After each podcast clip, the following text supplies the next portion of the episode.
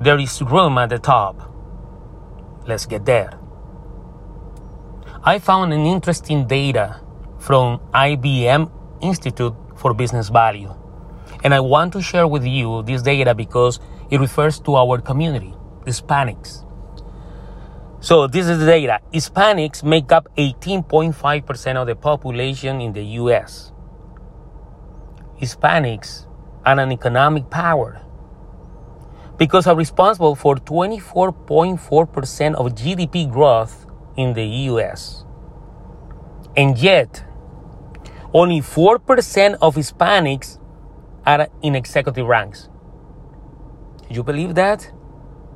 Now, from those executive ranks or Hispanic, only 30% of junior managers say they have access to mentorship programs or on the job training. Only 20% of junior managers say they are empowered to overcome the professional challenges. But 67% of junior managers say that they have to work harder to succeed because of their Hispanic identity. That's data that is impactful because we have worked so hard in this country to make a better living, to make a better lifestyle, to make better choices, to come to this country and prosper, to have whatever we want, including freedom. And yet, being an economic and social power, we are not yet at the top. So IBM Institute for Business Value suggests three factors for Hispanic success.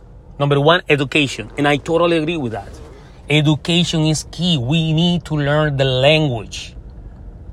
Okay? We need to learn how to run a business. We cannot invest our money that we have saved during many years and to throw away without a solid foundation of education in business and leadership. If we want to be entrepreneurs, we need to learn how to run a business, how to lead a team. The second success factor is advocacy. Yes, we need advocates for Hispanic leaders. We need more representation in the public and private sector. We need to support each other. We need to recommend each other. We need to be more united. To be stronger. We need to be advocates of ourselves. And the third success factor is mentorship. I may agree with that because sometimes we need mentors, people that we already have gone through the way we are going through. There are people that have achieved success, and we need to be mentored by those people to get where they are.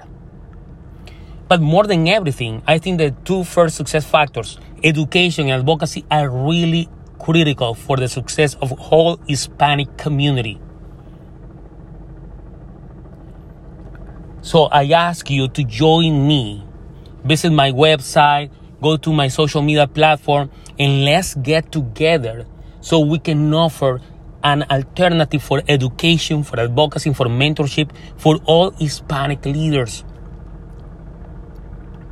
If you are up to the challenge, you're very welcome to join to my group to offer a better education, advocacy, mentorship to all Hispanic leaders. This is a tough call. You know why?